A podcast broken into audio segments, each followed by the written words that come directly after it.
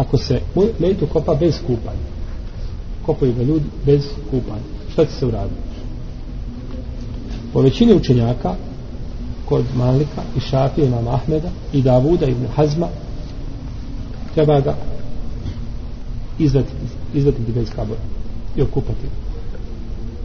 Dokaže Ebu Hanife nakon ukopavanja nema više vađenja mejta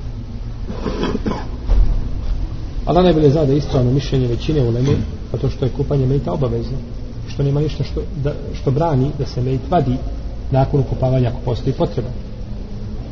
I došlo je u hadisu Džabira da je poslanik sa došao na kabur Abdullaha ibn Ubeja nakon što je ukopan. Kaže stavili su ga u kabur pa je tražio da ga izvede sad nije tačno spomenuo da ga šta? Da je bila zemlja znači već stavljena u kabur pa ga je ogrnuo u svoj ogrtač.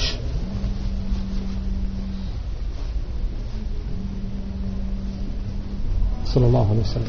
Došla je predaja koja je ovaj, preciznija od spomenute a to je predaja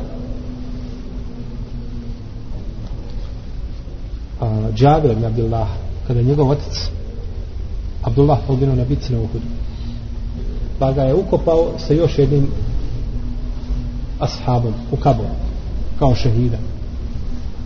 Pa kaže nije mi srce bilo smireno da bude sa nekim u kaburu pa sam tražio poslanika pa sa da mi dozvoli da ga odvojim i da ga stavim posebno u kaburu kaže pa mi je dozvolio. Pa sam ga kaže otkopao nakon šest mjeseci.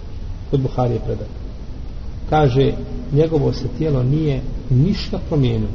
Isto kao kada sam ukopao kaže samo što je jedno uho promijenilo malo boju zato što je palo na zemlju. Kako je bio znači na strani, na boku. Jedno uho dotaklo zemlju. To što je dotaklo zemlju zbog zemlje se malo šta?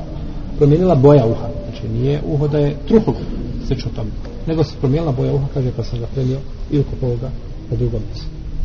Pa je poslanik sam sam dozvolio šta? Ukopovanje i danas se tiču mnoge stvari. Ovaj recimo sumnja da je osoba ubijena da mu je podmetnuto ubijstvo i slično tome da se može nešto drugcije da se nađe ovaj, zločinac ili počinioc i slično tome onda je išao treba da se to opravdani razloz kada je znači dozvoljeno da se mejit izvadi iz kabora.